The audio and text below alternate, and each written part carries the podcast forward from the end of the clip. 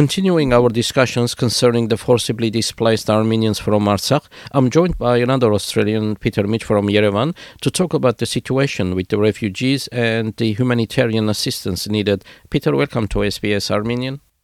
Barefaijan Vokchun Bolari Uh, from Pe- Armenia. Peter, since uh, we last spoke last year, any exciting news in your life in Armenia? Are you still working at the Center for Innovation? Yes, still working uh, for the National Centre for Innovation and Entrepreneurship.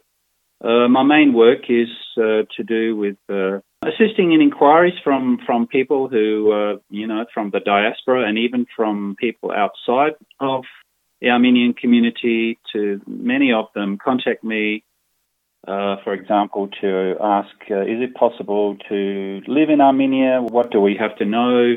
What are the pros and cons? And uh, most of those inquiries come through uh, my YouTube channel, uh, actually, uh, Armenian Life with Mitch. So uh, I'm kept busy that way. Peter, how did you get involved with the forcibly displaced uh, Artsakh population? so, of course, this is a great tragedy uh, for the Armenian people.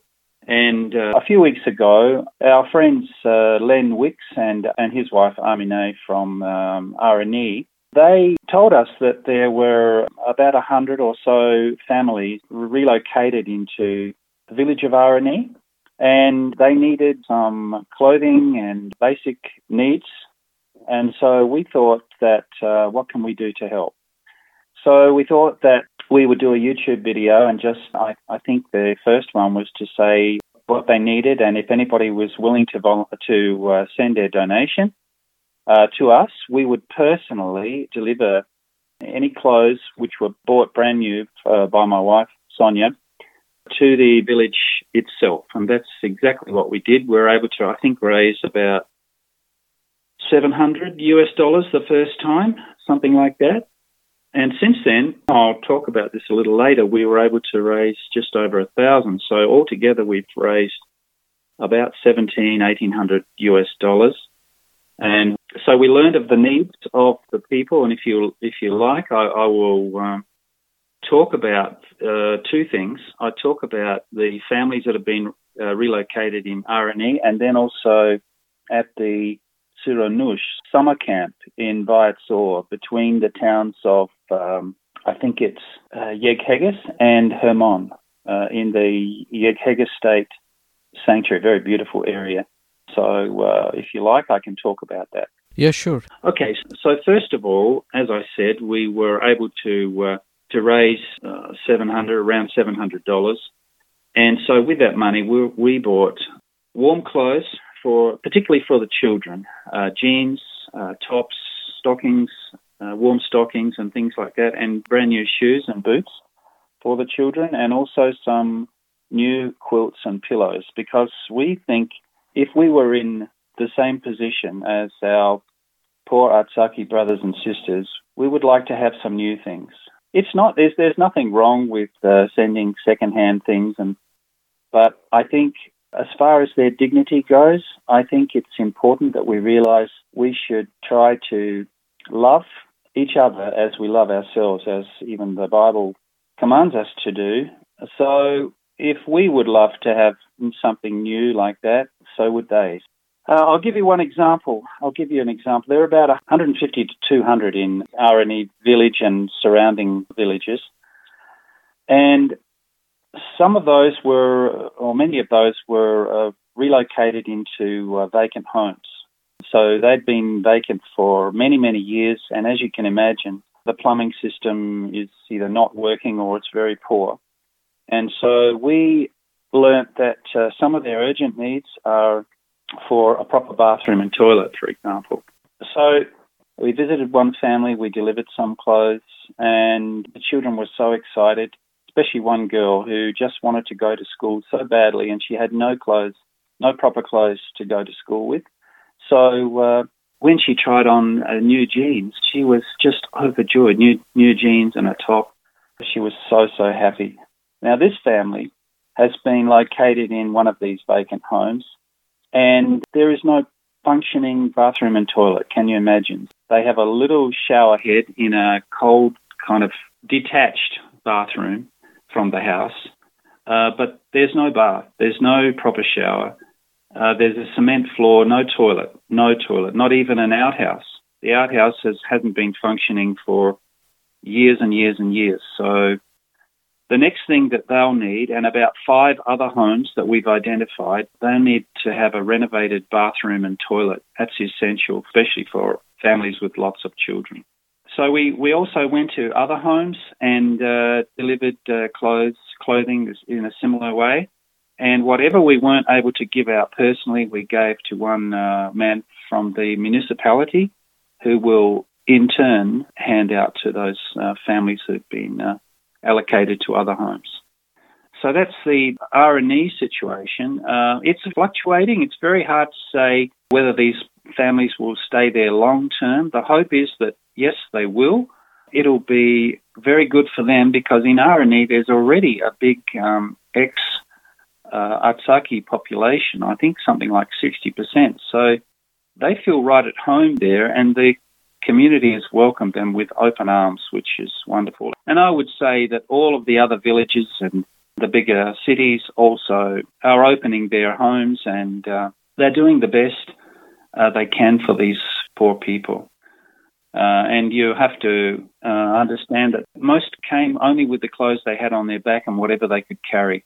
It's just a tragedy. There's no other way to describe it. But right now, I believe that we should focus on helping our Artsakhi brothers and sisters and how we can help them integrate into a new life in Armenia.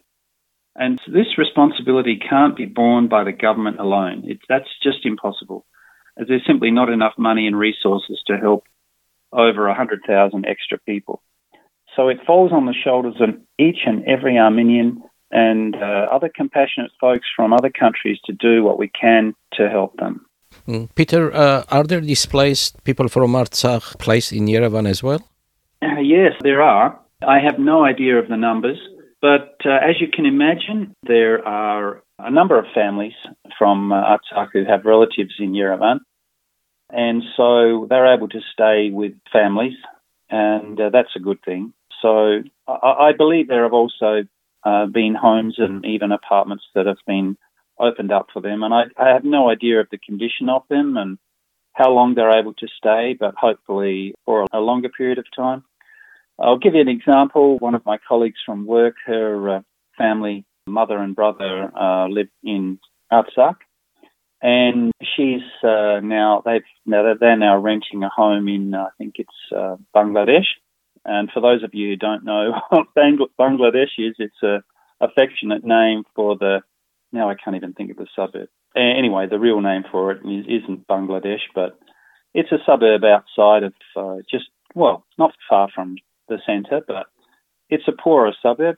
Anyway, they're there and they're all together and they're doing the best they can. And uh, yeah, so so the answer to the question is yes, there are a lot. We when we go to the bank, uh, which is usually two or three times a week to collect donations. For example, there'll be there'll be a hundred Art, uh, Artsakh people waiting to to go in and uh, do their banking and uh, maybe collect their um, uh, some money that they've received. So there are a lot here. Um, but there are a lot also dispersed in uh, in the other villages uh, throughout, uh, and and rural centres. I might might add. Uh, we mustn't forget that throughout all of Armenia. I was going to say it's Malatya Sebastia district.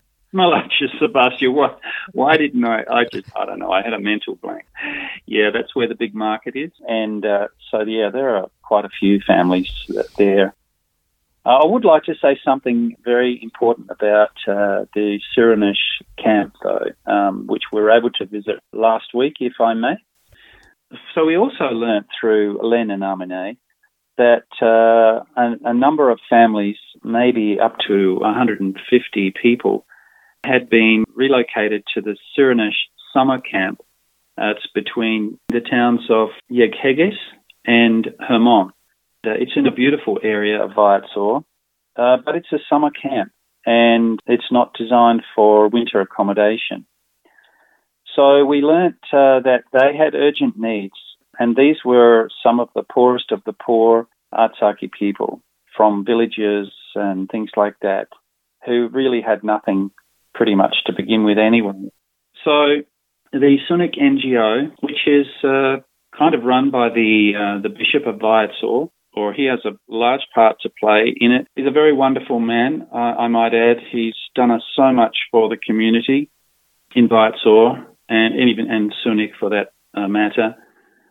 So this camp is now run by the Syunik NGO, and they've been doing a fantastic job. They really have to to house these families. There currently there are about um, 70 there at the moment, but it was around about 150. So why I say it's fluctuating is because some families get allocated an apartment, they move on, uh, maybe they come to Yerevan, maybe they go somewhere else, maybe they've been offered a house.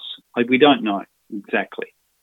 But right now there are about 70 people there at the moment, uh, 30 of whom are kids, and they all have urgent need of warm clothing. So we were able to take uh, warm clothing, again, uh, warm boots and uh, things like that to them last weekend.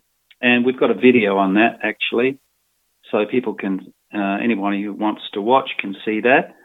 And the good thing about this camp is that they're trying to make it as comfortable as possible for the families. So each family is allocated a room for the family, and they're all fed three meals a day and but they have uh, they have an urgent uh, need of a generator, a diesel generator, because they're electric only there at the camp. There's no gas, so uh, in that region at all. So um, it's the generator is going to cost for a good one around eight million drams, which is around twenty thousand USD at the moment.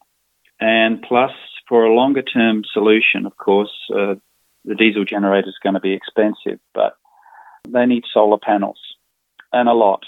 So the price on that and the exact amount are yet to be determined. This may go beyond the, um, the simple uh, fundraising we're able to do. I mean, we wouldn't expect people to be sending us this type of money. We're more concerned about just raising awareness of what the needs are, and we can direct, for example, any larger uh, donations, we can direct them to the Syunik NGO who is uh, running the camp. So they're the two urgent needs apart from, well, the daily running cost. If there were 200 people in that camp, we've been told that it just 15,000 US dollars per month just in food. Can you imagine? 15,000 US dollars just in food to feed 200 people. So right now we're about half that, but you also have to allow money for uh, for like permanent staff who are there, for cooks. There is a kindergarten there. There are teachers and a nurse and things like that. It all kind of adds up. So um, if anybody wants to uh, make a donation, uh, please feel free to uh, write to me through uh, a YouTube channel. You can go to my uh, main channel page and uh, simply go to the About section, and that will take you to my business email, and, and I can have a chat. I'm very happy to have a chat with you about that. Uh, Peter, are there international organizations uh, visible on the ground uh, helping the displaced? Yes, there are a lot actually. Now, uh, I, I, can't speak to uh, to all of them, of course, uh, but I can speak to uh, those which are involved uh, in the camp, in Siranush camp. When we were there, there were two other smaller um, NGOs uh, helping. Besides Syunik NGO, there was these two smaller uh, NGOs were from uh, Germany. I think one was called Armenian Lilfe. I think it's called L I L F E.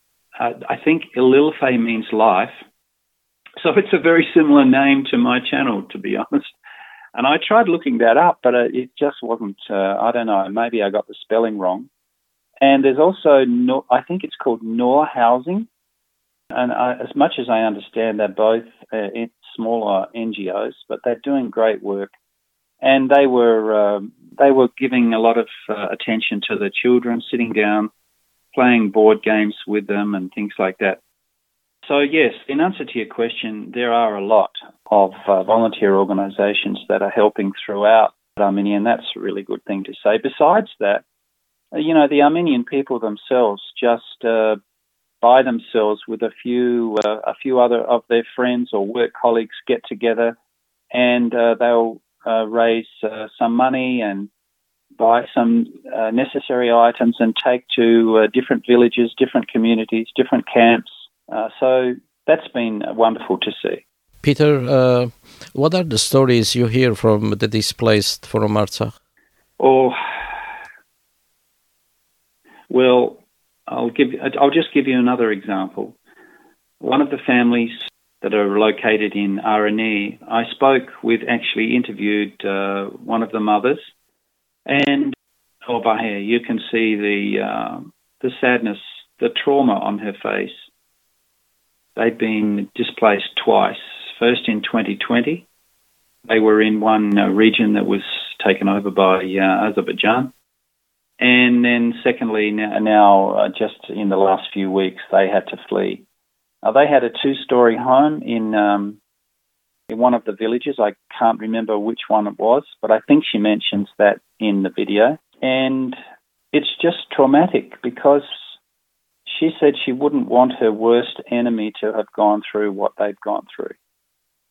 Uh, you can multiply that by 100,000 and then that's what the story's like. It's just horrific. It's a, it's a, it's a genocide, really, because now we're hearing stories of, and I, now I don't know how true this is, but I quite well believe it, that even the churches are being desecrated. Uh, maybe not so much desecrated as in all evidence of them being Armenian churches is being erased, and they're putting on, uh, I don't know, um, uh, different uh, language. I can't remember now who the Azeris believed that uh, these churches belonged to in the beginning. Of course, that their story is completely, completely uh, different. But let's not let's not get onto that. It's it's about what we can do to help these people now, and I think we mustn't forget that the psychological trauma will take years, maybe even a lifetime, to heal. And so we must not just think about clothes and, uh, you know, giving them a proper education, but how we can counsel them, how we can be there for them, just talking to them, listening to their stories, and uh, seeing what we can do to uh, to help them through that terrible this terrible period in their life it it's it really is it really is quite horrific. But uh, having said that, this lady, I don't know what happened, but when we were doing the interview, you know, some of her kids were making a noise, especially one boy, and I said, "Don't worry, he's just a boy." And she smiled and laughed, and uh, then we had some fun with the kids. So you know, they they're human like all of us. They can still laugh, they can smile, but underneath that is a terrible pain. They lost everything, Bahir. They lost absolutely everything. Just the clothes that they have on their back. Maybe they have a little bit of money they were able to bring with them, but some hardly any at all. And so it's it's terribly traumatic for them. Peter, what is the general mood in Armenia with the latest developments, uh, the loss of Artsakh and uh, the refugees and the continuing threats against Armenia by, by Azerbaijan? Um, well, it's it's difficult for me to answer, but I think um, everybody everybody has a sense of sadness, as well as a sense of I think a sense of hope that we as a nation may really be able to come together, and despite this terrible terrible tragedy, I think good can come from this. You know, some accuse me of being too optimistic but that's just that's just who I am. But we mustn't be complacent. Now is the time to be vigilant, and we, I think, need to protect our borders at all cost. And yeah, we can claim uh, our sovereign territory, but uh, who cares from the countries outside of Armenia? We hope that we have some good allies, uh, but there is a fear uh, that uh, Azerbaijan will try something And, you know, there's already been an incursion, or what was that in uh, 2022, I think, in, in um, Jermuk, around that area. They just decided to come into our sovereign territory, and apparently they're still occupying quite a big area there. So we have to be very, very vigilant and not pretend that this is the end. They won't do anything again. I, I think, given the chance, they will. But I, I also think that they are coming under increased international pressure to to not do something. So we, our hope and our prayer is that they won't, but we should be prepared. And I think the people of Armenia all they we know this.